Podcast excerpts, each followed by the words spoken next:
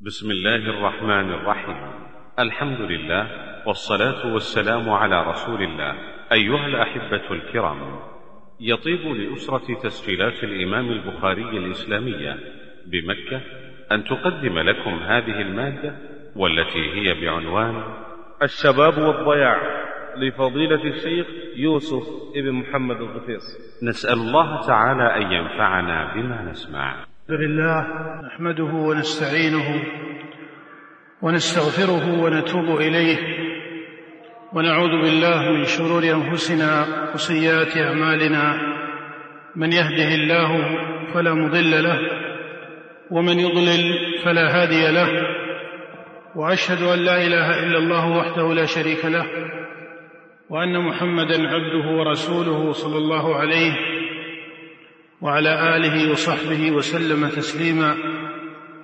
أما بعد أيها الإخوة السلام عليكم ورحمة الله وبركاته.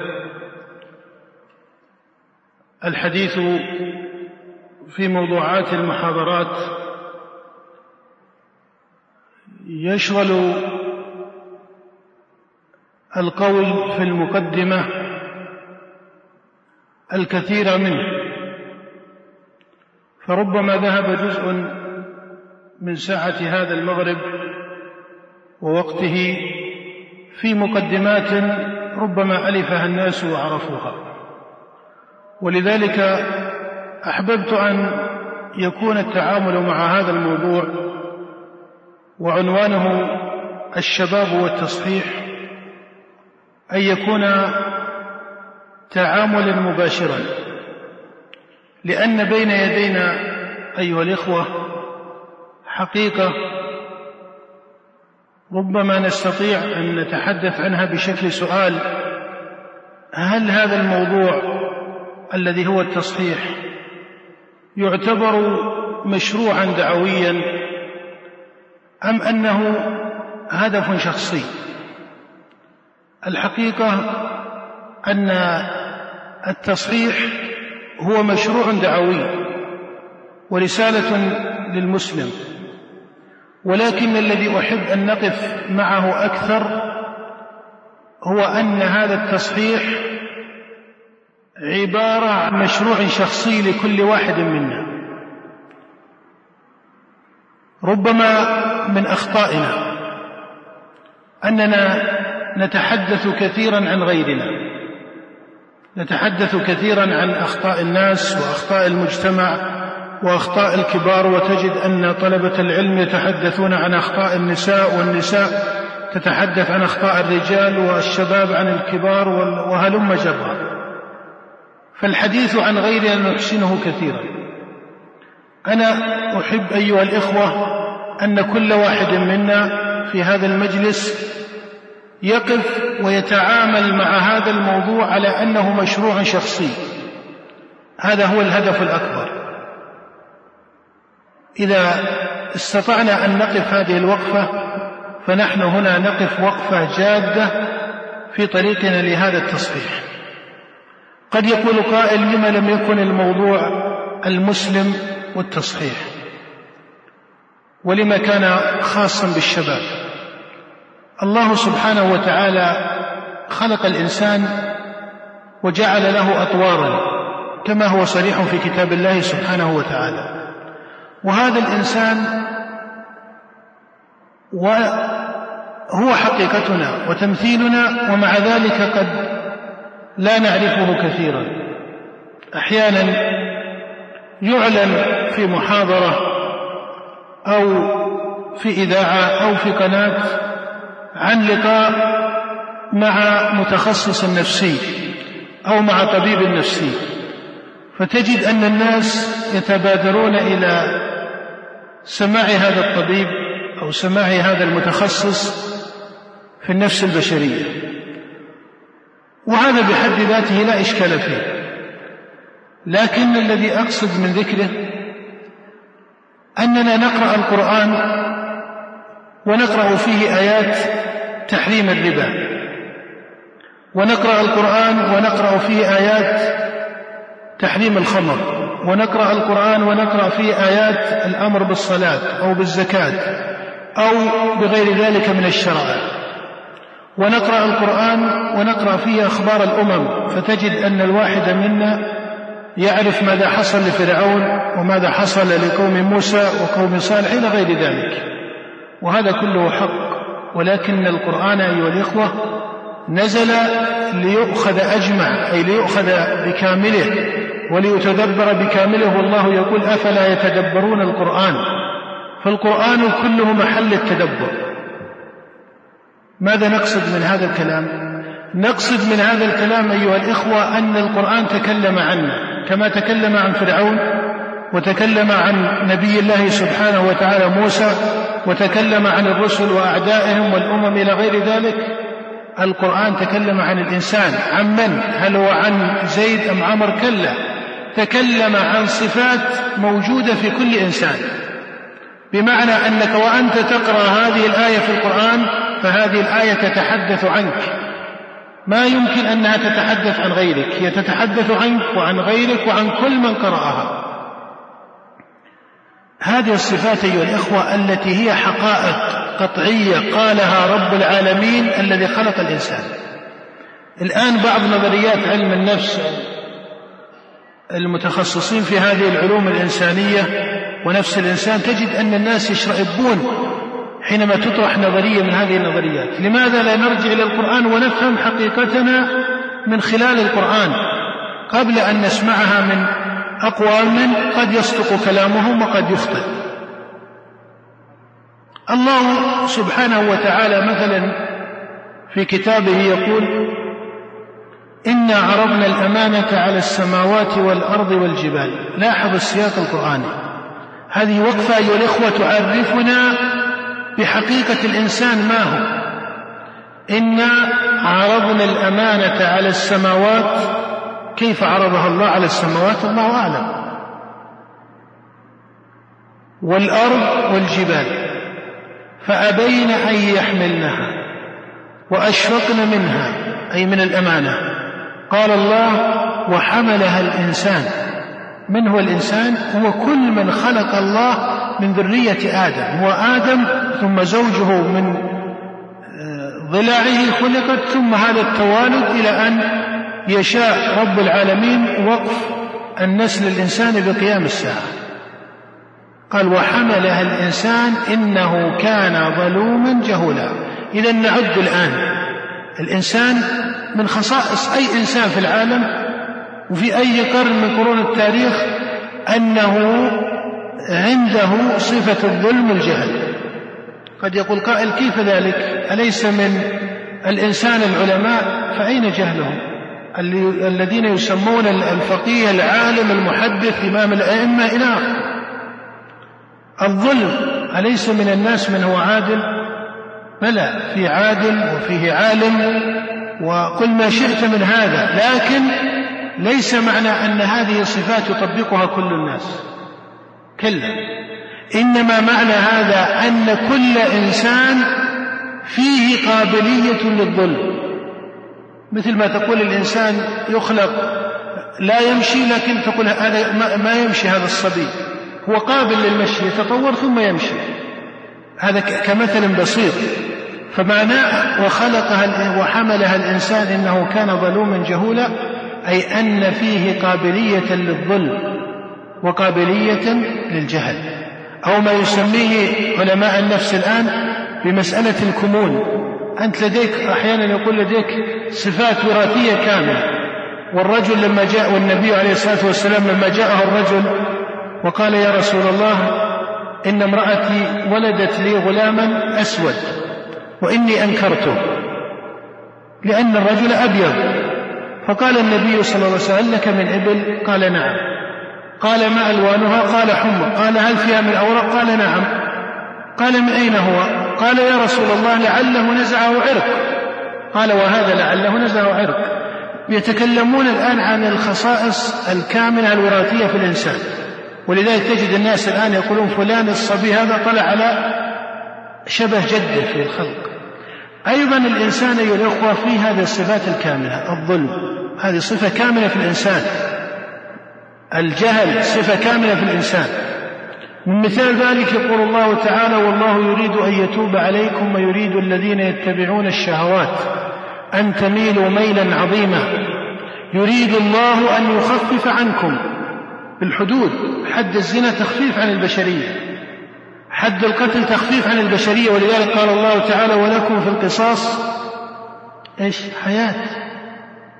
هذه الخصائص البشرية أيها الإخوة هذا الآن نسمع لعلماء غربيين تكلموا في الخصائص الإنسانية والقرآن يحدد خصائص قطعية. نحن لا نرفض العلم الغربي كله أو كله نعم هناك حقائق صادقة عندهم عن الإنسان وعن غير الإنسان لكن المقصود من هذا أن نتعرف على هذه الحقائق القطعية التي قالها الله وهو الذي خلق الإنسان. قال يريد الله أن يخفف عنكم. لاحظ أصحاب الشهوات يريدون أن تميلوا ميلا عظيما. قال والله يريد أن يتوب عليكم ويريد الذين يتبعون الشهوات أن تميلوا ميلا عظيما. ماذا بعدها؟ قال يريد الله أن يخفف عنكم تخفيف عن البشرية عن الإنسان. لماذا يريد الله أن يخفف عنا؟ قال الله تعالى وخلق الإنسان ضعيفا. لو ترك الإنسان بلا حدود وشريعة ربانية لأصبح الناس في مفاسد إلى مفاسد إلى أن يكون الناس في جاهلية جهلاء. ولذلك من فقه شيخ الإسلام وغيره قاله كثير من أهل العلم أن الحدود الشرعية التي شرعها الله ليس المقصود منها العقاب الرباني على الذنب في الأصل. العقاب الرباني محله الدار الآخرة. لكن هذه الحدود وضعت أو شرعها الله لتقييم النظام البشري الإنساني على هذه الأرض. ولذلك أيها الإخوة هذه من خصائص الإنسان أنه ضعيف أنه ظلوم أنه جهول. هي في القرآن كثيرة خلق الإنسان إيش؟ من عجل. الإنسان طبيعته العجل هذه قضية كاملة ما تقول إنها غير موجودة في فلان. إذا كان فلان يتمتع بهدوء وما إلى ذلك إذا هو عدل هذه الطبيعة لكنها كامنة فيه. هل هذه الخصائص الإنسانية أيها الأخوة دائما هي في جانب الشر أم أنها في جانب الخير؟ كلا. منها ما هو في جانب الشر ومنها ما هو في جانب الخير. والله سبحانه وتعالى لما خلق الإنسان خلقه قابلا للخير أم قابلا للشر؟ أحيانا بعض الناس يقف مع هذه القضية مع أنها صريحة في القرآن. قال الله تعالى ونفس وهذا قسم ونفس وما سواها فألهمها فجورها وتقواها. ما معنى هذا الكلام؟ معناه أن كل نفس بشرية كل إنسان فيه قبول للفجور وفيه قبول للتقوى. كهذه الورقة أو كهذا الصندوق هذا الوجه الأيمن منه الخصائص الخيرية. إذا حركها الإنسان نفسه إلى اليمين سارت في درب اليمين ولذلك ذكر لفظ اليمين في القرآن وأصحاب اليمين. وهنا النفس البشرية فيها الخصائص خصائص الشر خصائص الفجور. هذا موجود في كل نفس. إذا حركها إلى الشمال تحركت إليه. ولهذا إبليس لما غوى ونزل ماذا قال؟ قال لآتينهم من بين أيديهم ومن خلفهم وعن أيمانهم وعن شمائلهم. يأتي الإنسان ماذا يفعل به؟ يحركه إلى اليسار إلى الشمال. كيف الإنسان يتحرك؟ هل الشيطان معه حبل يجر الإنسان؟ لا لأن الإنسان فيه خصائص قابلة لهذا التحرك. ويريد الذين يتبعون الشهوات أن تميلوا ميلا عظيما. يحركون في الإنسان هذه الخصائص. حتى إن الله سبحانه وتعالى لما خلق الإنسان قابلا للخير قابلا للشر من كرم الله ونعمته على كل الناس ليس المسلمين. على الإنسان وهو صغير صبي من كرم الله أن جعل قبول الإنسان للخير أكثر من قبوله للشر؟ هذه النعمة الأولى. النعمة الثانية أن الله سبحانه حرك نفس الإنسان. إذا ولد الإنسان هل يولد نفسه ساكنة؟ لا نفسه مباشرة من حين ولادته تتحرك لليمين. قال عليه الصلاة والسلام كل مولود يولد على إيش؟ على الفطرة.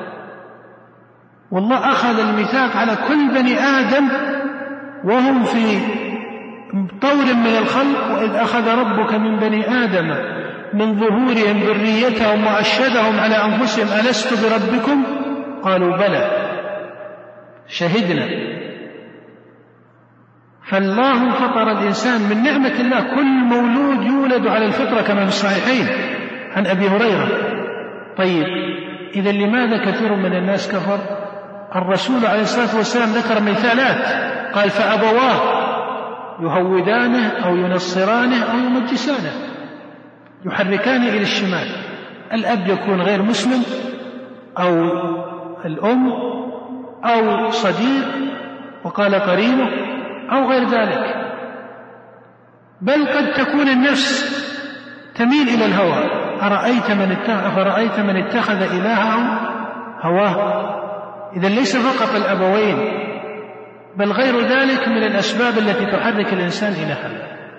إذا النعمة الثانية من الله على الإنسان أن جعل قبوله أن جعله متحركا إلى الخير. النعمة الثالثة من نعم الله على الإنسان في هذه الخصائص أن بعث سبحانه وتعالى الرسل وجعل العذاب الذي توعد به سبحانه من كفر وخالف أمره جعله بعد قيام الحجة بالرسل. وما كنا معذبين حتى نبعث رسولا. هذا الفضل أيها الإخوة والنعمة من الله. ما يعذب رب العالمين إلا من قامت عليه الحجة الرسالية. وقد حكى شيخ الإسلام وغيره الإجماع على هذا المعنى وقال إنه صريح في القرآن لئلا يكون للناس على الله حجة بعد الرسل. رسلا مبشرين ومنذرين إلى غير ذلك. هؤلاء الرسل من الذي يعارضهم؟ الإنسان الآن في قبول للخير وقبول للشر والرسل يدعون. يعارضهم الشيطان وجنوده. والجنود خذ ما شئت من هذه الجنود أحيانا جنود من الإنس وأحيانا جنود من الجن.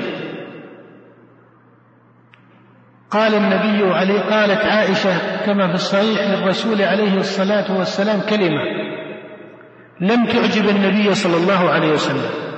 فماذا قال لها؟ قال يا عائشة انظر في التعبير النبوي. قالت كلمة ما أعجبت النبي. فقال الرسول لها يا عائشة أو قد جاءك شيطانك؟ فعجبت رضي الله عنها وقالت يا رسول الله أو معي شيطان؟ قال النبي نعم. قالت ومع كل أحد؟ قال نعم. قالت ومعك أنت يا رسول الله؟ قال نعم. ولكن الله أعانني عليه فأسلم. أي أن هذا الشيطان أسلم أي أنه من المسلمين. وقال بعض أهل العلم إنه أسلم بمعنى أسلم من شره. وبعضهم قال إن الشيطان لا يكون مسلما هذا غير صحيح. والذين كانوا مع سليمان في ظاهر الأمر أنهم كانوا من المسلمين ومن الشياطين من يغوصون له. فالمقصود أن هذه الخصائص أيها الإخوة لا بد أن ندركها. وبقدر ما الإنسان يحمل صفات شر إلا أن كل إنسان في الأصل خلقه الله قابلا للخير ولكن الإنسان هو الذي يكفر. ولذلك تجد القرآن يقول ولله على الناس حج البيت من استطاع إليه سبيل. ثم بعد قال ومن كفر فالإنسان هو الذي يكفر. الله لما خلق عند ابتداء خلق آدم لما خاطب الرب العالمين الملائكة بهذا المخلوق وأنه سيكون خليفة في الأرض. قال الله تعالى وإذ قال ربك للملائكة إني جاعل في الأرض خليفة. خليفة عن من؟ بعض الناس يقول خليفة عن الله. أعوذ بالله. هذا جهل. خليفة عن الجن لأن الجن كانوا سابقين لبني آدم في هذه الأرض. قال إني جاعل في الأرض خليفة. ماذا قالت الملائكة؟ الملائكة تعرف حال الجن في هذه الأرض وأنهم يسفكون ويفسدون. فقالوا أتجعل فيها من يفسد فيها ويسفك الدماء؟ ونحن نسبح إذا العبادة فالملائكة لا يعصون الله ما أمرهم قالوا ونحن نسبح بحمدك ونقدس لك. ما هو الجواب القرآني؟ ما هو جواب الله للملائكة؟ هل قال الله إن هذا الخليفة لا يفسد في الأرض؟ هل قال الله ذلك؟ هل قال الله إنه لا يسفك الدماء؟ كلا. إنما قال الله إني أعلم ما لا تعلمون. الآن الملائكة ماذا توقعت؟ سفك الدماء وإيش؟ والفساد في الأرض. وما أن نزل آدم وزوجه وجاءهما الولد والولد الآخر إلا وأول قضية حصلت إيش؟ سفك الدم. طيب هذا هو تنبؤ الملائكة أو توقع الملائكة. واتل عليهم نبأ ابن آدم بالحق إذ قرب قربانا إلى آخره فقتل أحد ابني آدم الآخر. وهل الفساد ظهر من الناس؟ نعم ظهر الفساد في البر والبحر بما كسبت أيدي الناس. ولكن رب العالمين قال إني أعلم ما لا تعلمون. ما معنى هذا؟ معناه أن هذا الخليفة في قبول للفساد وسفك الدماء ولكن في قبول للخير. وقبوله الخير أكثر. والله بعث الرسل ثم أرسلنا رسلنا تترى. كل ما ذهب رسول خلفه نبي أو رسول بحسب حكمة الله سبحانه وتعالى. ولذلك هذا الإنسان أيها الإخوة هو الإنسان بخصائصه. إذا تحرك إلى اليمين ماذا يكون قدره؟ وإذا تحرك إلى الشمال ماذا يكون قدره؟ إذا تحرك إلى اليمين واستتم وثبت في درب اليمين فهو الذي قال الله فيه ألا إن أولياء الله لا خوف عليهم ولا هم يحزنون. هم حزب الله في القرآن. هم أولياء الله في القرآن. هم الذين رضي الله عنهم ورضوا عنه. هم الذين يحبهم ويحبونه.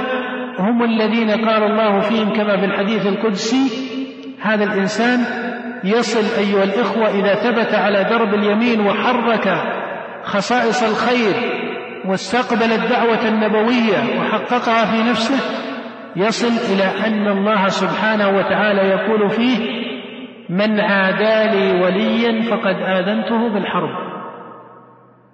أي منزلة أيها الإخوة يمكن أن يصل الإنسان إلى أكبر منها؟ لا يوجد. أنه يصل إلى أكثر من هذه المستويات الرضا المحبة إلى غير ذلك. ولكن هذا الإنسان الذي صار وليا لله ألم يدخل في قول الله تعالى وخلق الإنسان ضعيفا؟ بلى. ألم يدخل في قول الله تعالى خلق الإنسان من عجل؟ بلى. دخل في هذه الخصائص. ألم يدخل في قول الله تعالى إنه كان ظلوما جهولا؟ بلى. ولكنه حرك نفسه في الخير. وإذا حرك هذا الإنسان بهذه الخصائص وهذه الصفات نفسه إلى الشر تمادى في الشر؟ فيصل إلى طرف الشر. ما هو طرف الشر؟ الكفر بالله. أظلم الظلم. هو الشرك بالله سبحانه وتعالى. ماذا تصبح منزلته؟ لاحظ إما أن يكون هو خير البرية. وقد قال كثير من أهل العلم إن الرسل والأولياء أفضل من الملائكة. وهذه مسألة فيها كلام لأهل العلم ولشيخ الإسلام فيها مصنف. لكن يبقى أنه في القرآن هو خير البرية. وإذا تحرك في الشر ووصل إلى الطرف وهو الكفر بالله فمن هو؟ هو الذي قال الله فيه. تأمل. إن شر الدواب عند الله. من هو؟ هل قال الكلاب؟ الدواب ما يدب على الأرض. من هو شرها؟ خيرها هو المؤمن. خير الدواب على الأرض والمؤمن والمؤمن إنسان. وشر الدواب من؟ ما قال الخنازير أو الكلاب؟ بل قال الله تعالى إن شر الدواب عند الله الصم البكر الذين لا يعقلون. كيف الصم؟ والله يقول في القرآن إنا خلقنا الإنسان من نطفة أمشاج نبتليه فجعلناه سميعا بصيرا. الله يقول عن الإنسان إنه سميع بصير فكيف هنا يقال الصم البكم لأنهم ما استفادوا من هذه الخصائص في الخير. فسماهم الله صما بكما لا يعقلون.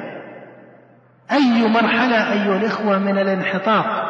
والسقوط حينما يحكم هذا الفرد من الناس بحكم رباني يقول الله فيه إن شر الدواب عند الله.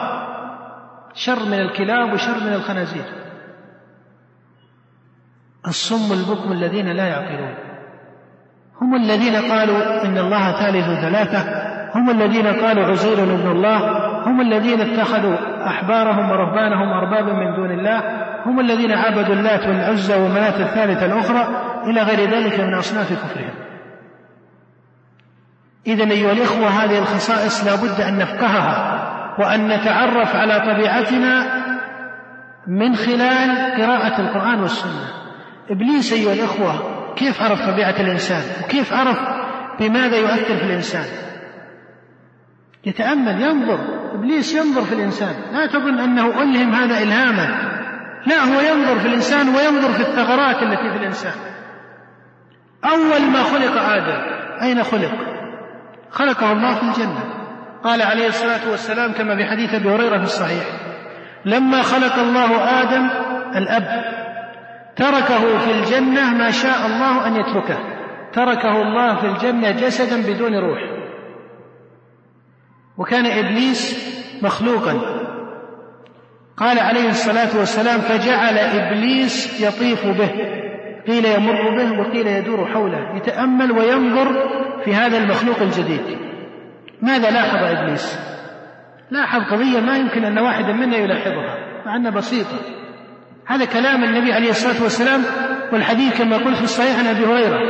قال لما خلق الله آدم تركه في الجنة ما شاء الله أن يتركه. فجعل إبليس يطيف به. ينظر نقاط الضعف. لاحظ إبليس قضية نحن نعدها لا شيء. قال فلما رآه أجوف. الملائكة صمت كما قال شيخ الإسلام ابن تيمية رحمه الله. وإن كان المسألة ليس فيها نص قاطع لكن المقصود أن إبليس رأى آدم مجوفا من الداخل. له بطن وأمعاء مجوف من الداخل فيه فراغ من الداخل يحتاج إلى أكل ويحتاج إلى شرب ويحتاج إلى شهوات وإلى آخره. قال عليه الصلاة والسلام فلما رآه أجوف عرف أي إبليس أنه خلق خلقا لا يتمالك. ما يمكن يكون مثل الملائكة لا يعصون الله ما أمرهم لا يتمالك إلا باستثناء خاص العصمة. كما عصم الله سبحانه وتعالى الرسل لكن لاحظ النظر الذي قد نراه بسيطا عرف أنه خلق خلقا لا يتمالك. ولذلك هذه المحببات زين للناس حب الشهوات. هذه من أقوى مداخل إبليس على الإنسان. أنه يأتيه من باب الشهوات. وربما تكون هذه الشهوات لا يزن بالشهوات الشهوات المتعلقة فرج الإنسان أو نحو ذلك. لا الشهوات حتى في المال. أو الشهوات في الجاه والشهرة أو غير ذلك من الشهوات التي قد تكون عند الإنسان أو عند أو يكون عند الإنسان ما هو من الميل لها. نرجع أيها الإخوة إلى أصل موضوعنا الشباب والتصحيح لماذا الحديث عن الشباب فقط؟ هو التصحيح حق لكل مسلم ولكن الإنسان كطبيعة خلقه الله عليها إذا بلغ سن البلوغ الشرعي بخمس عشرة سنة أو بأحد علامات البلوغ. إذا دخل مرحلة البلوغ والتكليف الشرعي الواجب إلى سن الثلاثين أو الخمس التي تليها. في الغالب أن هذه كطبيعة بشرية مرحلة تحول عند الإنسان. قد يقول البعض إننا نشاهد كثيرا من الناس لا يتحولون بل هم على ثبوت في هذه المرحلة. أنا أقول إن هذا لا يوجد أبدا. لكن هذا التحول قد يكون تحولا إلى الأفضل وإلى الخير وإلى التميز وقد يكون تحولا إلى الأسوأ وإلى السلب وإلى السفول. وكثير من الناس يصاب بنوع من الركود يظن أنه ثبات والحقيقة أنه إيش؟ أنه سفول ليس ثباتا. لماذا؟ كيف نقتنع بهذا الكلام؟ نعم حينما يبقى مثلا من سن العشرين إلى سن الثلاثين عشر سنوات. ماذا زاد عنده من العلم؟ ماذا زاد عنده من حفظ القرآن؟ ماذا زاد عنده من آه، ذكر الله سبحانه؟ ماذا زاد عنده من العبادات؟ تجد أنه في ركود. إن لم يكن نزل لكن إذا كان الإنسان ينزل يحس بنزوله وسفوله فإذا هذه المرحلة أيها الإخوة مرحلة الشباب المتحركة من سن الخمسة عشر إلى الثلاثين أو الخمسة والثلاثين. هذه كطبيعة ليس عندنا في هذا البلد أو كمسلمين لا في العالم كله. والدراسات العلمية تثبت هذا. هذه المرحلة أيها الإخوة مرحلة تحول. هي الإنسان يصنع نفسه في هذه المرحلة. هي مصنع الإنسان. بعدها يبقى الإنسان شبه راكب ولذلك عمر من فقهه رضي الله تعالى عنه قال تعلموا قبل أن تسودوا.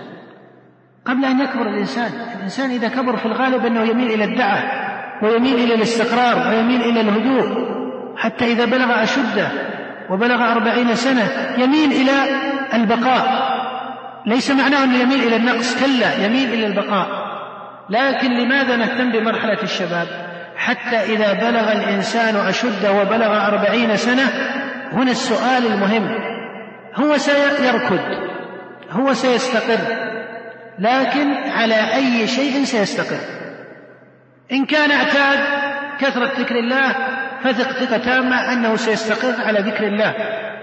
وما أصعب أن يعالج الإنسان نفسه بخلق أو حتى بطلب علم أو حتى بعبادة بعد سن الأربعين.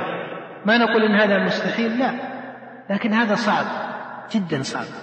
فالإنسان سيستقر. إذا كان استقر على سن الأربعين وهو لا يعرف إلا الركض في الدنيا فسيستقر على هذه الحال في الغالب. ولذلك أيها الإخوة الإنسان يجب أن يبني نفسه بناء شرعيا إيمانيا عباديا في هذه المرحلة من عمره. هذه المرحلة المنطلقة من سن الفقه والتكليف وهو البلوغ. إلى أن يبلغ الثلاثين أو الخمس والثلاثين ويقبل على الأربعين التي هي سن الأشد فتكون أخلاقه استقرت ومعانيه استقرت وما إلى ذلك. إذا أيها الإخوة إذا أيقنا وعرفنا أن الشاب من الخمس عشرة سنة إلى ما يقارب الأشد هو في تحول ولا بد. ما يمكن أن يكون راكدا هو ينزل ويظن أنه راكد وهو لم يركض ما في مرحلة وسط. لا بد أنه إما أن يعلو وإما أن يسفل فهنا لو طرحنا سؤالا آخر عن أي شباب نتحدث. أنا لا أحب أن يتبادر إلى الذهن أنه يتحدث عن الشباب كما يسمى الشباب الملتزم فقط. لا. ويتحدث عن الشاب المسلم. الشاب المسلم يجب أن يعي هذا المعنى. ويجب أن يعيش تحت هذا المعنى وأن هذا سن بناء الإنسان وهي قواعده التي سيستقر عليها في مستقبل عمره. يبقى أننا نرجع إلى سؤال آخر عن أي تصحيح نتحدث. نحن نقول الشباب والتصحيح وعرفنا أهمية هذا التصحيح بالنسبة للشاب فما هو التصحيح الذي نتكلم عنه؟ من أخطائنا أيها الإخوة أننا نضيق الأشياء. الأشياء واسعة فنأتي نعمل لها تضييقا وتحديدا فربما لا يناسب كثير من الناس آه، أو لا يتناسب مع حال كثير من الناس. ما هو من هذا التدقيق؟ فتجد أن الإنسان هنا يصاب بنوع من الإحباط والإشكال. التصحيح أيها الأخوة بالدرجة الأولى التصحيح الأخلاقي التصحيح الديني التصحيح العلمي التصحيح الفكري هذه أربعة أنواع من التصحيح الأخلاق أيها الإخوة الأخلاق جعلها الله سبحانه وتعالى سمى الدين بها. وفي لسان العرب كما تعرفون في لسان العرب أن الاسم العام إذا أعطي إلى اسم خاص فسمي الخاص بالعام فهو يدل على أن هذا الخاص ركن في هذا العام من مثال ذلك قال الرسول عليه الصلاة والسلام في العبادات الحج إيش؟ الحج عرفة هل الحج هو فقط عرفة؟ لا لكن دل هذا عند الفقهاء أن الوقوف بعرفة ركن من أركان الحج مع أن النبي ما قال هذا ركن قال الحج عرفة كذلك القرآن لما جاء وقال الله تعالى وإنك لعلى خلق وإنك لعلى خلق عظيم ماذا يعني هذا؟ يعني أن الأخلاق أيها الإخوة هي الدين وهي جزء من وأصل من أصول هذا الدين ولذلك عائشة رضي الله تعالى عنها لما سئلت في سياق طويل في الصحيح في حديث سعد بن هشام بن عامر جاءها السؤال فقيل لها يا أم المؤمنين كيف كانت صلاة رسول الله؟ كيف كان قيامه؟ فكانت تجيب كان يقوم من الليل كذا وينام من الليل كذا كيف كان يصوم؟ كان يصوم كذا ويترك كذا. جاءها سؤال وكسبا للوقت لا أحب أن أستطرد بذكر الحديث لكن جاءها سؤال قال أنبئيني عن خلق رسول الله. لما سألها عن قيامه قالت كان يصلي كذا والصيام إلى آخره. قال أنبئيني عن خلق رسول الله. فما هو جوابها؟ هل قالت كان رسول الله صابرا؟ هل قالت كان حسن الخلق؟ هل قالت كان رسول الله يتبسم في الوجوه فبدأت تضيق مفهوم الأخلاق كما نضيقها الآن؟ لا. قالت كان خلقه القرآن. قال فهممت ألا أسأل أحدا عن شيء حتى أموت. لأن هذا جواب جامع مانع. كان خلقه القرآن. ولذلك الله لما ذكر المؤمنين بالاسم العام وهو الاسم المطلق يعني المؤمنون الذين حققوا الإيمان. قال الله تعالى قد أفلح المؤمنون. من هم المؤمنون؟ هنا ذكر الخصائص الكبرى لهم. ذكر الله من خصائصهم الكبرى إقام الصلاة وذكر من خصائصهم الكبرى إيتاء الزكاة وهذا ليس غريبا لأن الصلاة والزكاة ركنان من أركان الإسلام أليس كذلك؟ لكن ألا ترى أن الله وهو يذكر الخصائص الكبرى للمؤمنين؟ قال والذين هم عن اللغو معرضون. هذه هذا خصائص خلقية. بعض الناس ما عنده هذه القضية أصلا. حديث أصبح وهذا نعمة. أصبح حتى الصغار والكبار من الناس يعرفونه. يحدث به في المساجد من حسن إسلام المرء تركه ما لا يعنيه. طيب. أحيانا في تفكير ما نقول عمل ما يعنيك. في تفكير كثير يفكر فيه الناس وما يعنيه تجد أن الإنسان جالس أو ذاهب أو قائم وهو يفكر في قضية تجارية تتعلق بزيد وكيف فتح هذا المحل؟ وهل تتوقع ينجح؟ هذا يعني هناك قسم من التفكير لا يعنيك. هناك قسم من الكلام لا يعنيك. من حسن إسلام المرء تركه ما لا يعنيه مهم أحيانا أن تترك تفكيرا كثيرا وأن تترك هما كثيرا بأي حجة؟ بحجة أنه لا يعنيك. إذا أيها الإخوة أنا أؤكد أن الأخلاق معنى عال كبير. لا يصح أن نختصر الأخلاق بنوع من التودد فقط.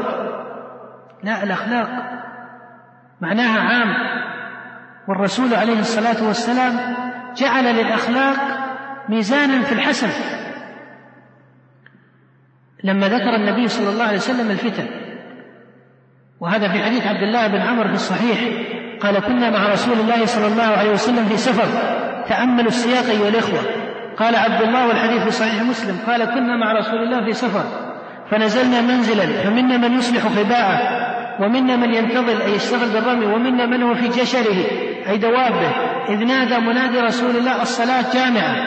قال فاجتمعنا حوله. وكان النبي من عادته أنه ما يبادر القوم الصلاة جامعة إلا بعد ما يحطون الرحال ويستوون في نزولهم. هذه المرة بادرهم وقال الصلاة جامعة. قال مناديه هل قال لما جاءه الصحابة واجتمعوا إن العدو خلف هذا الجبل فنريد قرارا سريعا؟ لا.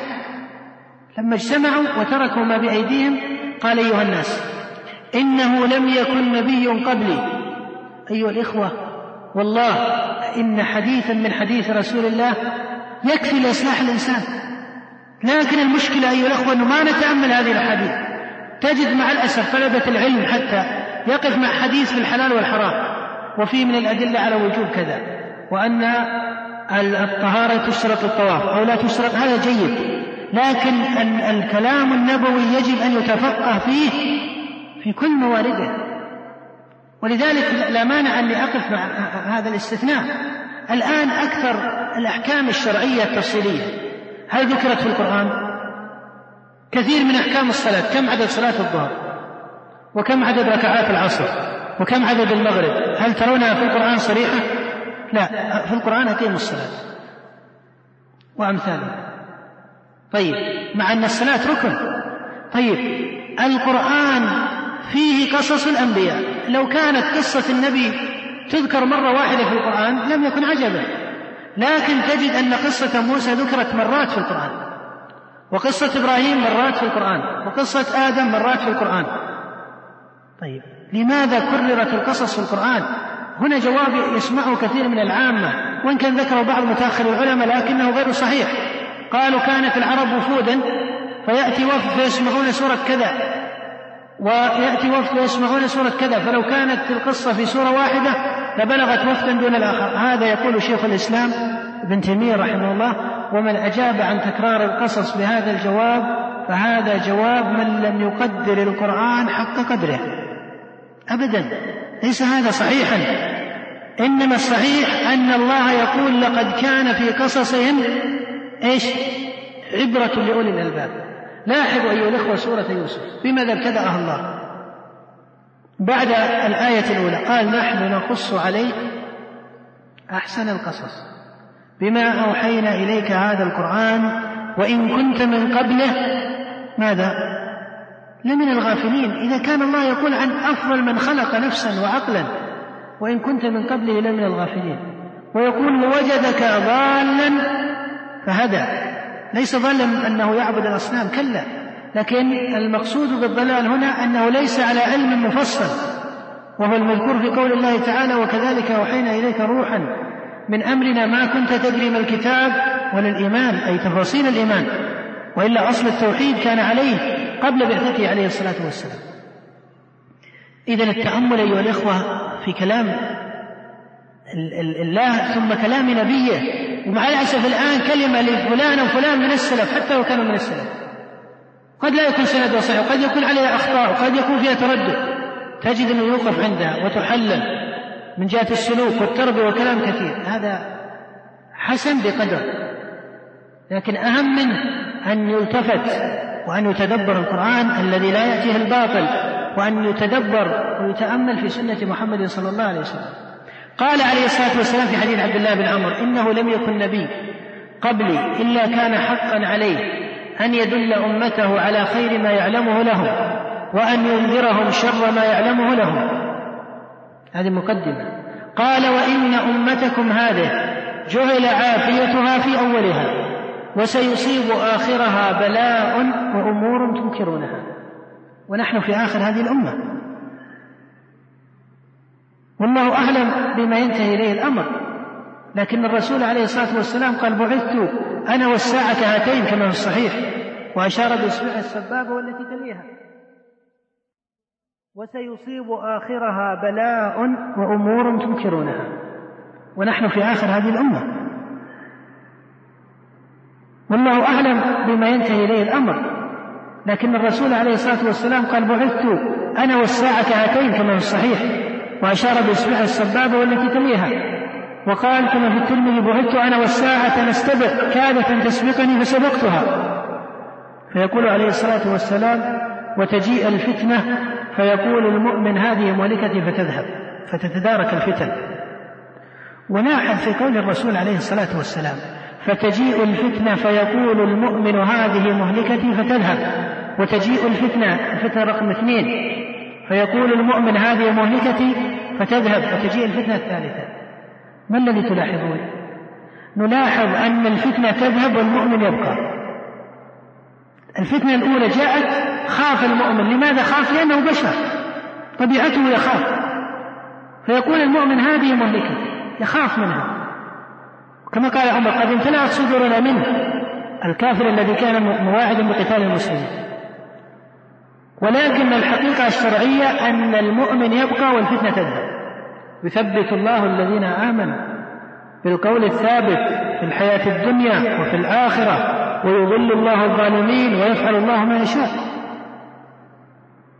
ماذا قال عليه الصلاة والسلام في المخرج من الفتن؟ أحيانا نضع محاضرات وجلسات المخرج من الفتن ونشرق ونغرب. قال عليه الصلاة والسلام جوامع من الكلم قال فمن أحب أن تأتيه فمن أحب أن يزحزح عن النار ويدخل الجنة. أنت الآن أمام فتن. فمن أحب أن يزحزح عن النار ويدخل الجنة فماذا يفعل؟ قال فلتأته منيته وهو يؤمن بالله واليوم الآخر. هذا حق الله. لكن هل ترك عليه الصلاة والسلام في هذا المقام الحاسم؟ هل ترك الأخلاق؟ هل ترك المعاملة؟ كلا. قال فلتأته منيته وهو يؤمن بالله واليوم الآخر وليأت إلى الناس الذي يحب أن يؤتى إليه. أي عالم في الأخلاق وفي فلسفة علم النفس يستطيع أن يقول كهذا الكلام. لاحظ كلام عقلاني هذا. إذا قيل لك ما نظام الأخلاق في الإسلام؟ قيل الأخلاق عندنا أنك تعاملني بما تحب أن أعاملك به. في أدق من هذا الكلام؟ في المطالبة أبدا. لأن الإنسان دائما يتمنى أن يعامل بإيش؟ بأحسن المعاملة. فقال عليه الصلاة والسلام كلمة جامعة. قال وليأتي إلى الناس. أي يعامل الناس بالذي يحب أن يؤتى إليه. هل سمعتم أن شخصا يحب أن يكذب الناس عليه؟ هل سمعتم أن شخصا هو يحب أن الناس يكذبون عليه؟ لا. هل سمعتم أن شخصا يحب أن الناس يظلمونه؟ لا.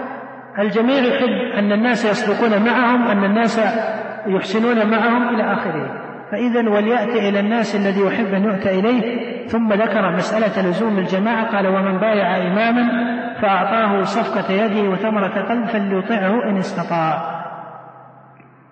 إذا التصحيح الأخلاقي أيها الإخوة. التصحيح العلمي. ماذا نقصد بالتصحيح العلمي؟ هو مفهوم واسع ولكن أيها الأخوة أحب أن أقف مع مسألة واحدة فيه. العلم منه محكم ومنه متشابه. هو الذي أنزل عليك الكتاب منه آيات محكمات هن أم الكتاب وأخر متشابهة. من مشكلات كثير من الشباب ونحن نتحدث عن التصحيح في هذه المرحلة مرحلة الشباب أنه معني بمتشابه العلم أكثر من عنايته بمحكم العلم. والمحكم والمتشابه أيها الأخوة ليس في العلم فقط بل حتى في الأخلاق. وحتى إذا تكلمنا عن التصحيح الديني وهو التصحيح العبادي. الآن لو قلنا محكمات العبادات ما هي؟ الصلاة من محكمات العبادات. الصلاة من محكمات العبادات. الصوم من محكمات العبادات الزكاة والصدقة من محكمات العبادات. الآن تجد أن كثيرا من الناس يشتغلون بمتشابه من العلم أو متشابه من العمل وبين يديهم المحكمات. تمضي عليه ساعات ونقاش يجلس في مجلس ثلاث ساعات. هل الشيخ فلان أجود من الشيخ فلان أم لا؟ هل الشريط الفلاني كذا؟ هل كذا؟ هل كذا؟ يمضي ساعات. هذا حتى ولو قال إنه من هم الدعوة وما إلى ذلك. هذا ليس من المحكمات التي تلتزم ويدعى إليها. لكن الرسول عليه الصلاة والسلام كان إذا جلس في المجلس كما في حديث أنس والأغر المزني في الصحيح يستغفر الله سبعين مرة. وفي الحديث الآخر مئة مرة. هذا ما يحصى. والله أعلم بما يسره عليه الصلاة والسلام مما لا يظهر للناس. طيب هذه المجالس التي فيها التحليل السياسي والتحليل الثقافي والتحليل الدعوي لا نحجر واسعا إذا كان الأمر على بينة وقصد أي اقتصاد وعدم إطالة وتكلف لكن أهم من ذلك أن هذا المجلس تحقق فيه الهدي النبوي. أنت تكلمت ثلاث ساعات في المجلس لكن كم استغفرت الله في هذا المجلس؟ هذا من محكم الهدي أن الرسول إذا جلس في المجلس فعل ذلك. فإذا الله الله أيها الإخوة ولا سيما الشباب لأن الإنسان إذا تربى على هدي صاحب الرسالة استقر عليه إذا بلغ أشده وبلغ أربعين سنة وإلا يصبح شخصا متململا. الآن في مرحلة الشباب يعجبك الحديث عن الأشرطة وعن الموضوع اللي في المكان الفلاني وعن الحدث بعد الأربعين ما يمشي هذا الكلام عندك أصلا. ما يمشي هذا الكلام عندك. ممكن تتكلم بدل ساعتين تتكلم عشر دقائق وتكفي الموضوع. لأن ماجريات هذه الاشتغال بالماجريات هذا ما ينتهي إلى شيء. فإذا ما أصبح الإنسان ليس على محكم من العلم ومحكم من ما هو محكم العلم؟ من أخص محكم العلم القرآن. ولذلك سبحان الله بعض الناس الشيوخ حفظوا القرآن وفي الأخير كبر. أصبح حتى صلاة الجماعة ما يصلي في المسجد. وذهب بصره. وذهب شيء كثير عنده لكنه حافظ القرآن يتكئ ويقرأ القرآن ويتدبر في القرآن. هذا محكم العلم. ما يقول بعض الناس هذا للعوام لا. شيخ الإسلام ابن تيمية وهو الإمام الذي دعا صيته وشأنه يقول في آخر عمره في آخر كلام له في كتبه التي بين يدي وفاته إن مما أسف عليه أنه أمضى كثيرا من القول والعلم في غير تدبر القرآن. مع أنه اشتغل بعلم ابن تيمية ما اشتغل ببدع وإلا اشتغل بعلوم علوم الفلك ولا علوم مفضولة اشتغل بتقرير العقيدة والرد على المخالف وما إلى ذلك. لكن القرآن هذا أيها الأخوة نزل هذا الكتاب لو أنزلنا هذا الكتاب على جبل لرأيته خاشعا متصدعا من خشية الله. هذا القرآن ما نزل منذ خلق الله السماوات والأرض ولم ينزل كهذا القرآن. هذا الكتاب كتاب الله كلام الله حروفه ومعانيه. فيجب أن نهتم بمحكم العلم من محكم العلم القرآن وهو أصل محكم العلم. قد يقول قائل لكن نقرأ القرآن ولا نقرأ التفسير. وش الفائدة؟ هذا سبحان الله هذا من لعب الشيطان بالناس. اللغة فسدت. من قال لكم اللغة فسدت؟ اللغة فسدت إذا أردت أن تنطقها نطقا فصيحا كنطق امرئ القيس. لكن اللغة فسدت أن أصبحنا عجما لا. الآن تقرأ القرآن تفهم.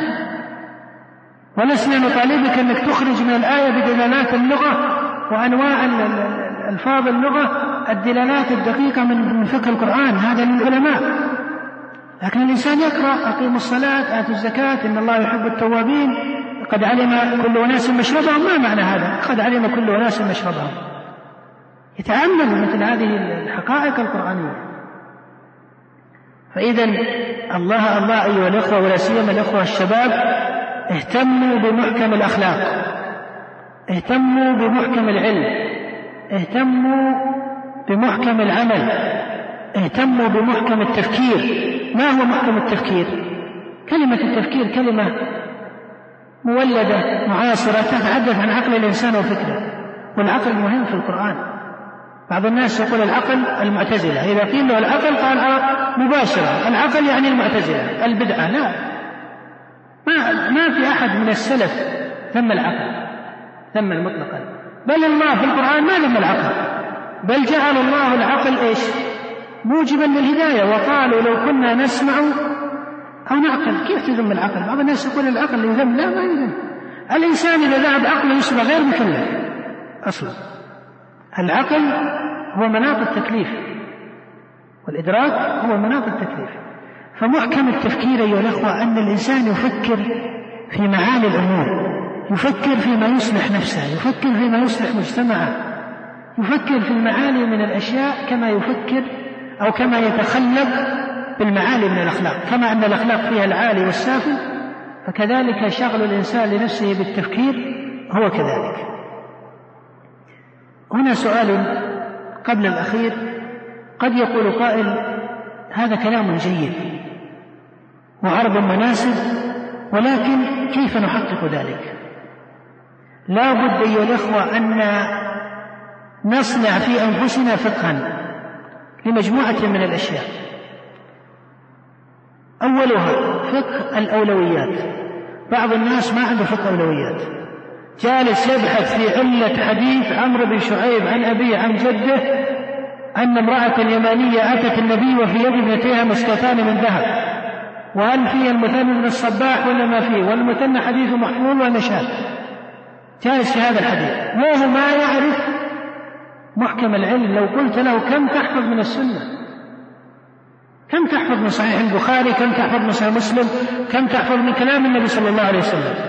محكم الأحكام ما يعرفها إذا فقه الأولويات أيها الأخوة سواء الأولويات العلمية أو أولويات الدعوة أو الأولويات العبادة الأولويات العبادة ماذا نعني بها العبادة كلها حق لكن الأولى في الأولى المحكم والأفضل والأقرب إلى رضوان الله سبحانه وتعالى وأهل المجال. فقه الأولويات فقه الخلاف. هل الخلاف يحتاج إلى فقه؟ نعم. لأن هذا التنازع الذي يحصل بين المسلمين هو الذي يذهب شأنهم. ولا تنازعوا فتفشلوا وتذهب ريحكم. أي تذهب قوتكم وصولتكم وشأنكم أمام الأعداء. ولذلك الله سبحانه وتعالى أمر المسلمين إذا تنازعوا أن لا يرجع بعضهم إلى بعض. لأنه إذا رجع بعضهم إلى بعض في مورد التنازع زاد النزاع نزاعا وصاروا شيعا. إن الذين فرقوا دينهم وكانوا شيعا. كيف كانوا شيعا؟ لما اختلفوا اختلف زيد وعمر رجع قوم مع زيد وقوم مع عمر وفارق هؤلاء هؤلاء فيما لا يوجب التفريق. فقال الله إن الذين فرقوا دينهم وكانوا شيعا لم يرجعوا إلى الحق. ولذلك أمر الله المؤمنين بقوله فإن تنازعتم في شيء فردوه. لاحظ حينما يقال, يقال لك رد هذا الشيء كأنك أرجعته عن بكرة أبيه. فردوه إلى الله والرسول. هذا هو الإيمان إن كنتم تؤمنون. ولذلك التسليم لأمر الله وأمر نبيه صلى الله عليه وسلم هو الأصل في فقه هذا الخلاف. الآن نسأل أيها الإخوة أنفسنا سؤالا بسيطا. لماذا إذا طرحت قضية يجتمع عليها وهي من محكم الدين ومحكم الإسلام؟ ما يتحمس الناس كثيرا ولا تجد أنها صارت حديث مجالس عند الناس. لكن ليكن فلان تكلم بقضية محتملة ما هي من البدع ولا من الشرك؟ لا وجهة نظر لكنها قد تكون غريبة على بعض الناس. تجد أنها تشرق وتغرب وتدخل الإنترنت. ويتكلمون وتصبح المنتديات والأقلام والكتاب والرموز الذين يكتبون بطريقة الأسماء المستعارة كما يقال. هذا الاستعداد للخلاف على قضايا ما توجب الخلاف. ما هي من السنن والبدع؟ لماذا هذا الاستعداد عندنا للخلاف؟ هذا مرض. لأن المؤمنين يميلون المحققين للإيمان يميلون إلى الاجتماع ويكرهون الخلاف. يا أخي ابن مسعود رضي الله عنه رجل فقيه يدري هو ترى يدري بعض الناس يقول تواضع. يقول أستغفر إذا قلت له فلان الأخ جيد زي قال لا أنا الله المستعان تواضع. وهو عنده من الاعتداد داخليا بنفسه ما الله به عليه. يقول التواضع. ابن مسعود يقول لو أعلم أن رجلا أعلم مني بكتاب الله تبلغه الإبل لركبت إليه. هذه ما هي كلمة عجب. هذه كلمة بمعنى أن الرجل يعرف أنه فقيه الرسول عليه الصلاة والسلام سافر وسافر وسافر في كل الأسفار يصلي ركعتين في السفر. جاء أبو بكر, أبو بكر وصلى ركعتين في السفر. جاء عمر وصلى ركعتين في السفر. جاء عثمان وذهب إلى منى وصلى أربع فعجب من عجب وفي المجد وفي الحضور بن مسعود. فبعض مسلمة الفتوح الذين أسلموا في فتوح عمر ليسوا من الصحابة وبعض أصحاب مسعود قالوا السنة. ماذا قال ابن مسعود؟ ابن مسعود يعرف أن السنة وهذا كلام عامة الصحابة وعثمان تأول واختلفوا في تأويله ما سبب وما وجهه. لكن القصد أن ابن مسعود لما قيل له كيف تصلي خلف عثمان؟ والرسول ما صلى إلا ركعتين. قال نعم ولكن الخلاف شر. هذا الفقه. الخلاف شر مو بالخلاف فرح بعض الناس هذا هذا لسان حاله يفرح بقضية الخلاف. ويأتيه لقلة فقهه إن هذا من إنكار المنكر ومن الغيرة على الدين ومن التمييز. وتأتي كلمة الله المستعان في هذه القضية مئتين مرة بمناسبة وغير مناسبة. ويصعد هذا الموضوع ويصبح قضية وماذا كتب في الإنترنت وماذا ذهب وماذا جاء ما يصلح يا أخي هذا فقه الصحابة الخلاف شر. عثمان وهو محصور إمام المسلمين وخليفتهم يدخل عليه رجال ويقول يصلي لنا إمام فتنة.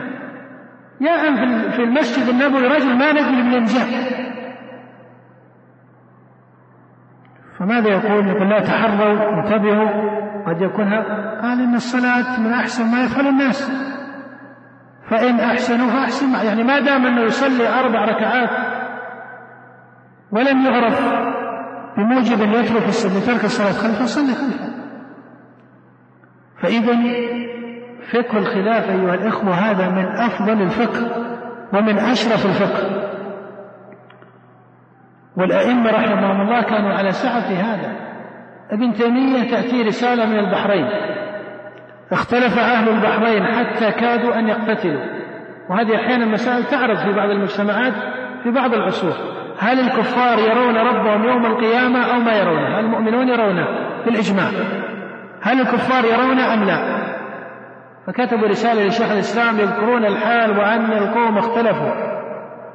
فكتب ابن تيمية جوابا من هذا الجواب أما بعد فهذه المسألة ليس فيها نص محفوظ عن أحد من الصحابة. ولا رجح شيخ الإسلام ذكر الخلاف بين الأئمة أو بين أهل العلم حتى لأنه يقول أنه ليس في صريح عن الأئمة المتقدمين في شكل كثير وما رجح أحد القولين. وبين أن هذه المسألة لا لا توجب التنازع. فإذا أيها الإخوة فقه الخلاف. الله الله في إدراك هذا الفقه والعناية بما يجمع أهل الإسلام المستقيمين على كتاب الله وسنة نبيه. لأنه مع الأسف ما نقول انقسم السنة والشيعة هذا تقسيم موجود من التاريخ وهؤلاء قوم يخالفوننا في العقائد والأصول يعني الروافض. لكن المحزن أيها الإخوة هل سمعتم أن السلفيين أو أهل السنة والجماعة انقسموا؟ من هم أهل السنة والجماعة هم الصحابة هم التابعون هم الذين قال الله فيهم السابقون الأولون. والسابقون الأولون من المهاجرين والأنصار والذين تبعهم بإحسان. هل انقسموا زمن الصحابة؟ لا. هل انقسموا زمن التابعين؟ كلا. كانوا يدا واحدة. مع أنهم يختلفون كثيرا في المسائل ولكنهم يجتمعون أكثر مما يختلفون. لماذا يجتمعون أكثر مما يختلفون؟ لأن الأصول الجامعة لهم أقوى. يجمعهم أنهم مؤمنون بالله. يجمعهم التوحيد يجمعهم الإثبات الصفات لله يجمعهم الإيمان بأن الإيمان قول وعمل إلى آخره. بيننا أيها الأخوة أصول جامعة لا ينبغي أن مسائل وهذه مسؤولية الدعاة وطلبة العلم والمربين لا يجوز أن يقحموا الشباب في مسائل يسيرة ويحرقوا نفوسهم وطاقاتهم بهذه الاشتغالات التي لا فائدة منها. ثالثا أيها الإخوة فقه العلاقات. العلاقات أيها الإخوة ليست فقط هي العلاقات بين الأشخاص كما قد يتبادر من اللفظ. العلاقة بين العلم والعمل. العلاقة بين الاسم والمسمى. العلاقة بين المطلوب وبين الواقع. أضرب لذلك مثلا مع أن هذا موضوع العلاقات أرى أنه من الموضوعات البالغة الأهمية. الاسم والمسمى. الآن كلمة الإصلاح. أصبحت تتداول كثيرا.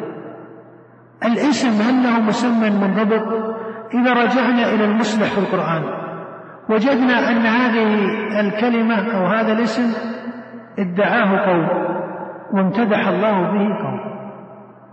ادعاه قوم قالوا وإذا قيل لهم لا تفسدوا في الأرض قالوا إنما نحن مصلحون. ألا إنهم هم المفسدون.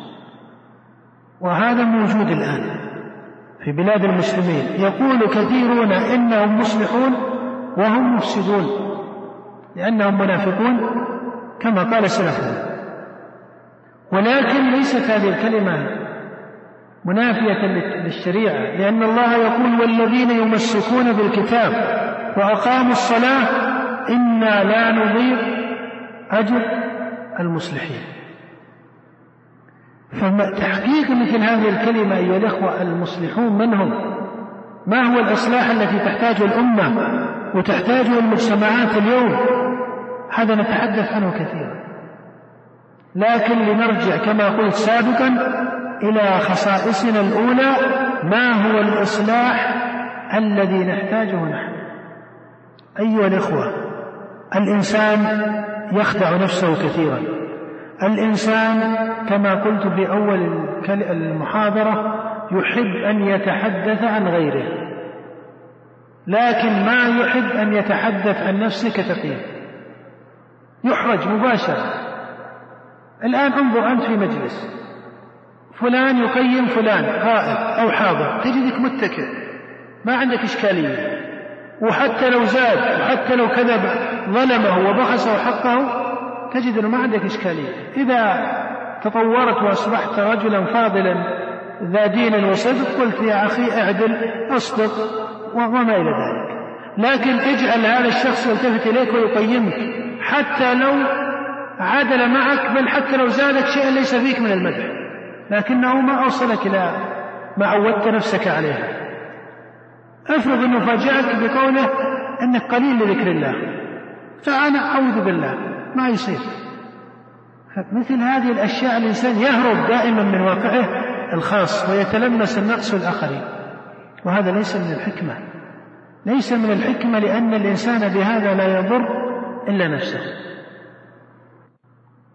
إذا أيها الإخوة هذه المجموعة من الفقه سواء كان فقه الأولويات أو فقه الخلاف أو فقه العلاقات أو فقه العمل لا بد أن الشاب يعنى بها ليحقق هذا التصحيح الذي تحدثنا عنه. هذه هي الآلية إن صح التعبير أو هكذا يصنع ويوجد ويحقق هذا التصحيح. لا أحب أن أستطرد بعد الأذان لكن أختم بالنقطة الأخيرة والوقفة الأخيرة في هذا الموضوع. لو قال قائل وقد ذكرنا أسباب أو وسائل تحقيق هذا التصحيح فهل ثمة أسباب يمكن أن نقول إنها عقبات في طريق التصحيح نعم هي كثيرة ولكن أحب أن أشير إلى اثنين منها. هذان السببان أيها الإخوة لهما أثر كثير على تحقيق ليس الشاب فقط أحيانا تحقيق المجتمعات لتصحيح معين حتى لو كان في غير الأمور الشرعية لكن نبقى في دائرة موضوعنا. السبب الأول الشمولية. ماذا نعني بالشمولية؟ هو الكلام العام. مثلا تقول لشخص كيف المخرج الأمة الإسلامية يقول الرجوع للإسلام؟ هل هذا الجواب جواب صحيح؟ قطعا أنه جواب صحيح مئة بالمئة. لكن هذا الجواب يعد جوابا شموليا. يعني هو موجود عند كل أحد. لكن إذا أردت أن تنتقل إلى مرحلة تصحيح تقدم أخلاقي تقدم علمي تقدم عبادي إيماني لا تتعامل مع نفسك بالأشياء الشمولية. تعامل مع نفسك بالجزئيات. كيف الجزئيات؟ كما ضربنا ذلك مثلا أن الرسول عليه الصلاة والسلام كان يصلي بالليل إحدى عشرة ركعة. هذه قضية جزئية. عمل مفصل. ابدأ بالتطبيق المفصل للأشياء. أما أن الإنسان يتعامل مع نفسه بطريقة عامة في الغالب أنه لا يستطيع الوصول. لابد من تجزئة القضية.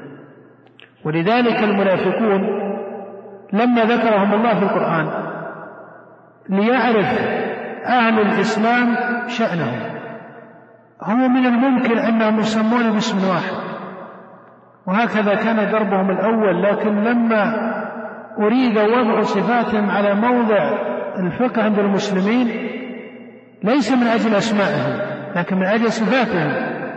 جاء في سورة التوبة ومنهم في آيات كثيرة ما سمى الله واحدا باسمه. لكن كم قال الله في هذه السورة؟ ومنهم من يقول. ومنهم ومنهم. حتى وصل الأمر إلى أن قال الله تعالى في موضع آخر من كتابه وفيكم سماعون لهم. أنه قد يكون من تأثر المسلم بالمنافق أنه يكون سماعا له هل المقصود من سورة التوبة أن الناس يعرفون أسماء المنافقين؟ لا المشكلة عندنا وهذه من الأخطاء الاهتمام بمعرفة كلمة. طيب من قال هذه الكلمة؟ لا الاسم ليس بالضرورة يكون مهما دائما. الله يقول لنبيه عن المنافقين. وفي سورة التوبة التي تسمى الفاضحة وممن حولكم من الأعراب منافقون. ومن أهل المدينة مردوا على النفاق. ما هو تتمة الآية؟ لا تعلمهم طيب إذا كان الرسول عليه الصلاة والسلام لا يعرف بعض أسماء المنافقين والصحابة لا يعرفون كثيرا منهم أو أكثرهم وقد كان النبي يخبر حذيفة ببعض أسمائهم فإذا الفقه لهذه الخصائص والأهم إذا من عقبات التصحيح النظرة الشمولية للأشياء. لا بد من تجزئة الأشياء. لما حصلت قصة الإفك. ما جاء جواب في القرآن عام. لاحظ المقدمات القرآنية تأمين المسلم. أولا أي إشعار المسلم بالثقة. أنت الآن إذا أردت أن تصحح لا يأتيك الشيطان ويقول إنك في الأخلاق طبيعة كذا. هذه ترى من من من أفكار العوام. أن فلان خلاص هكذا طبيعته. لا.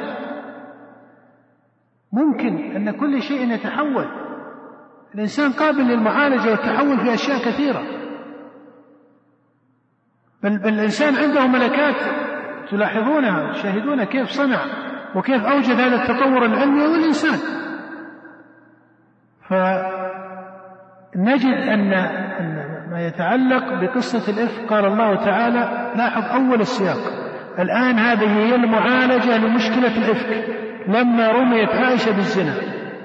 إن الذين جاءوا بالإفك عصبة منكم. طيب هذه مقدمة معروفة. لا تحسبوه شرا لكم بل هو خير لكم. أي تأمين المسلمين أكثر من هذا؟ تقسيم المشكلة والذي تولى كبره. فإذا لا يجوز أن الإنسان يتعامل مع نفسه بالطرق الشمولية. هذه واحدة. الثانية الحذر من المثالية. بعض الناس يسمع كلاما أو محاضرة أو درسا أو أو بعض الناس يرى مناما وما تغني الآيات والنذر. يسمع القرآن لكن منام يوقظه. وهذا من قلة فقه الناس أحيانا أن المنامات تؤثر في مساراتهم وإن كان المنام يعظ لا شك. والنبي قال لعبد الله بن عمر نعم الرجل عبد الله لو كان يصلي من الليل لكن الوعظ قبله بالقرآن. ف المثالية يجب أن الشاب خاصة يحذر منها وهي التي قطعت ظهور كثير من الشباب. يأتي يصبح أن يريد أن ينزل شبابه على شكل برمجة حاسب. نص ساعة ذكر نص ساعة صلاة بعدين كذا بعدين كذا بعدين كذا فيأتي بشكل مبرمج. هل البرنامج هذا يستطيع أن يطبقه أسبوع وهو كما يقال باللهجة العامية وهو على أعصابه. الأسبوع الثاني يبدأ يتخلخل الثالث يضعف الرابع يسقط لأنه برنامج مثالي بمعنى الكلمة. الصحابة قالوا يا رسول إياكم والجلوس في الطرقات.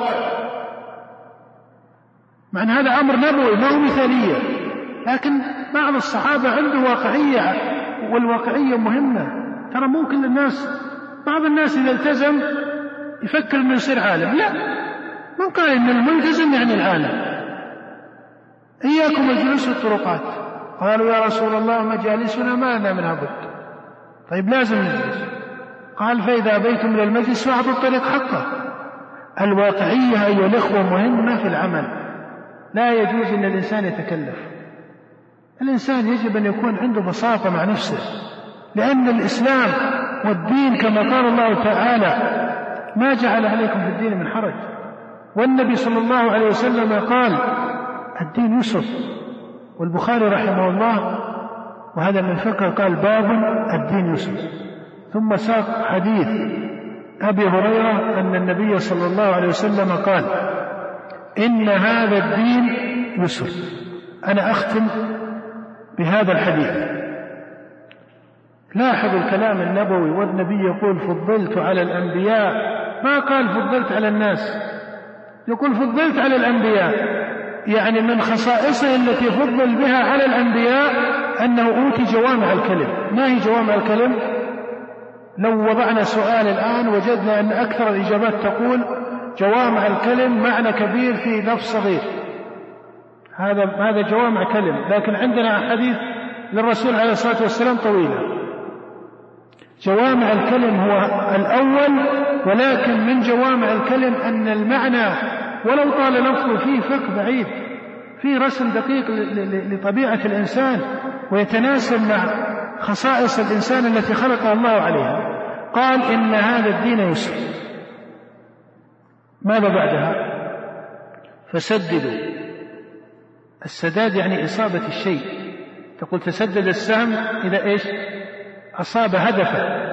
واذكر بالهدى بالهدى هدايتك الطريق قول النبي لعلي وبالسداد سداد السهم. سددوا. ليس معنى أن الدين يسر أنك تتساهل. وتقول الدين فيه أساسيات وغير أساسيات.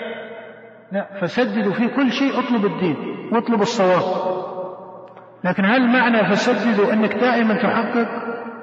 لا ما في أحد يمكن أنه يسلم لأن الطبيعة البشرية تنافي ذلك. كيف الطبيعة البشرية تنافي ذلك؟ الطبيعة البشرية هي التي قال فيها الرسول عليه الصلاة والسلام كل بني آدم خطأ هذه طبيعة بشرية. ما هم ملائكة لا يعصون الله ما أمرهم ويفعلون ما يؤمرون. قال فسددوا ما هي الكلمة التي بعدها؟ هل قال وتمموا؟ لا. قال فسددوا وقاربوا. كلمة قارب الشيء هل معنى أنه أصابه؟ تقول فلان قارب للصواب وقارب الوصول هل معنى أنه وصل؟ لا بقي عليه شيء. هذا النقص من أين جاء؟ هل الرسول يشرع لنا أننا ما نحقق؟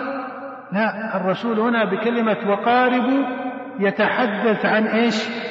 عن الطبيعة البشرية. فسددوا وقاربوا.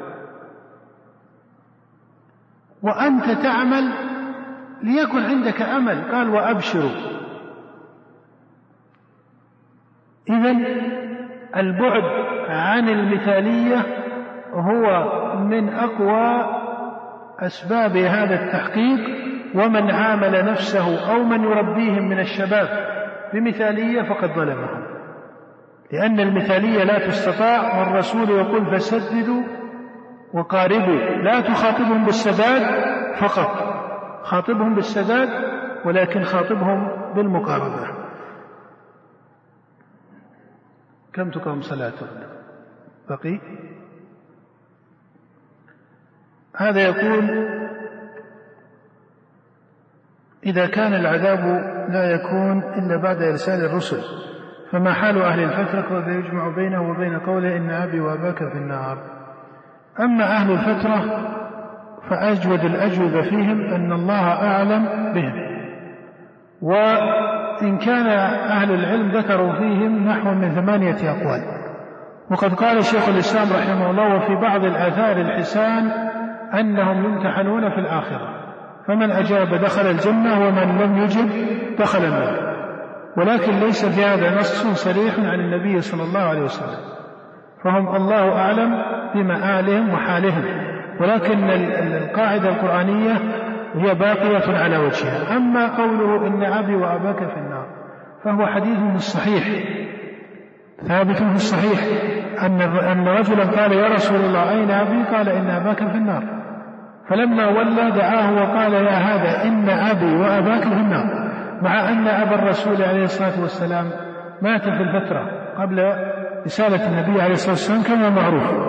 فهل معنى هذا أن أهل الفترة في النار؟ لا. معنى هذا أن هذا وحي خاص هذا هو الجواب. أن هذا وحي خاص نزل على الرسول في شأن أبيه وأبي الرجل. وأما ما ذكره النووي وبعض أهل العلم أن أهل الفترة في النار بهذا الحديث فهذا غير صحيح. هذا وحي خاص مثل ما قال النبي ورأيت عمرو بن لحي يجر قصبه في النار ورأيت المرأة التي حبست الهرة إلى غير ذلك.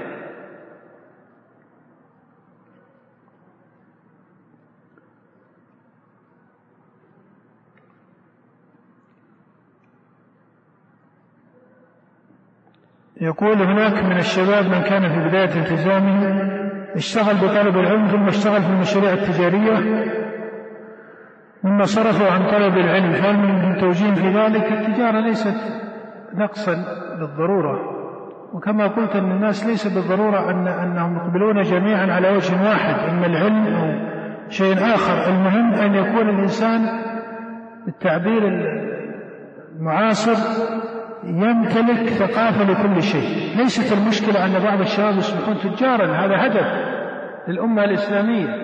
هدف للأمة. الآن اليهود تدرون كم اليهود؟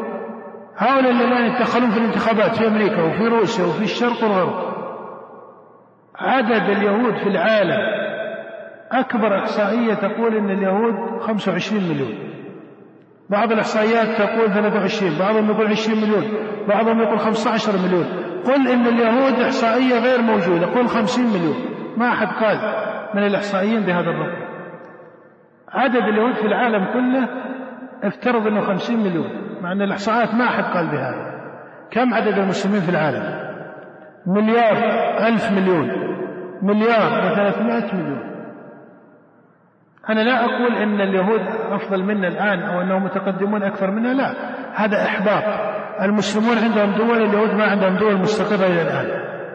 لكن أشياء كثيرة. لكن يبقى أن هذا العنصر اليهود لماذا؟ لأنهم استطاعوا أن يوظفوا المال الذي عندهم بحسب ثقافتهم. أنا الذي أدعو إليه أن الإنسان في أي شيء هو فيه يعرف ثقافته وأخلاقه.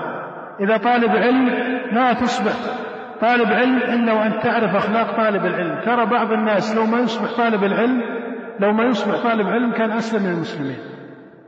لأنه يستخدم هذا العلم مثل الصوت. فيقرع به الصغير والكبير. ويظن أن هذا هو القوة في الحق. وهذا غير صحيح. الله يقول لموسى فقول له قولا لينا. فالمقصود من هذا بارك الله فيكم أن كل شيء له ثقافته وأخلاقه. المال طيب لكن لابد من ثقافة المال وأخلاق المال. ما هي ثقافة المال؟ ثقافة المال تعرف مصارف المال. تعرف كيف تحسن بهذا المال تؤدي الزكاة تتصدق. أخلاق المال أخلاق البيع والشراء رحم الله عبدا سمحت إلى آخره. المشكلة أن الإنسان ليس هي أن يدخل في المال أن يدخل إلى المال وهو لا يملك ثقافة المال ويظن أنه إذا أصبح ذا مال وذا تجارة أصبح هذا أداة للطغيان أو أداة للتبذير أو أداة للسفر يمين وشمال ويقول حتى تمتع نفسك. لا متعة النفس أمرها سهل لكن المال له ثقافة وله قانون وله نظام. والمسلمون الأوائل زمن الصحابة حققوا الإسلام والانتصار بالعلم وحققوه بالمال جاء الجيش من الذي جهز الجيش؟ المال يجهز الجيش. وأعدوا لهم ما استطعتم وهكذا. فأنا ضد أن أن الشاب يرى أن مسألة المال لأهل الدنيا الدنيا للمسلمين والكفار. من قال أن الدنيا فقط هي للكافر فقط؟ نعم هي حظه. ولكن المسلم له حظ من هذه الدنيا لكنها ليست هي منتهاه. منتهاه هو الجنة التي وعده الله سبحانه وتعالى بها. يقول أنا فعلت كبيرة من الكبائر يعاقب عليها الشرع فهل أبلغ عن نفسي أو أستر؟ ما دام أن الله ستر عليك فاستر على نفسك إلا أن تكون هذه الكبيرة متعلقة بحق آدمي مثل أنك سرقت. فهذا ما تقول أستر على نفسي أنا تبت وأستر على نفسي وصاحب المال إلى الآن يعني مستلج يبحث عن ماله. فإذا كانت متعلقة بحقوق آدميين فلا محل. أما إذا كانت فيما بينك وبين الله فاستر على نفسك ستر الله عليك ووفقنا وإياك للتوبة.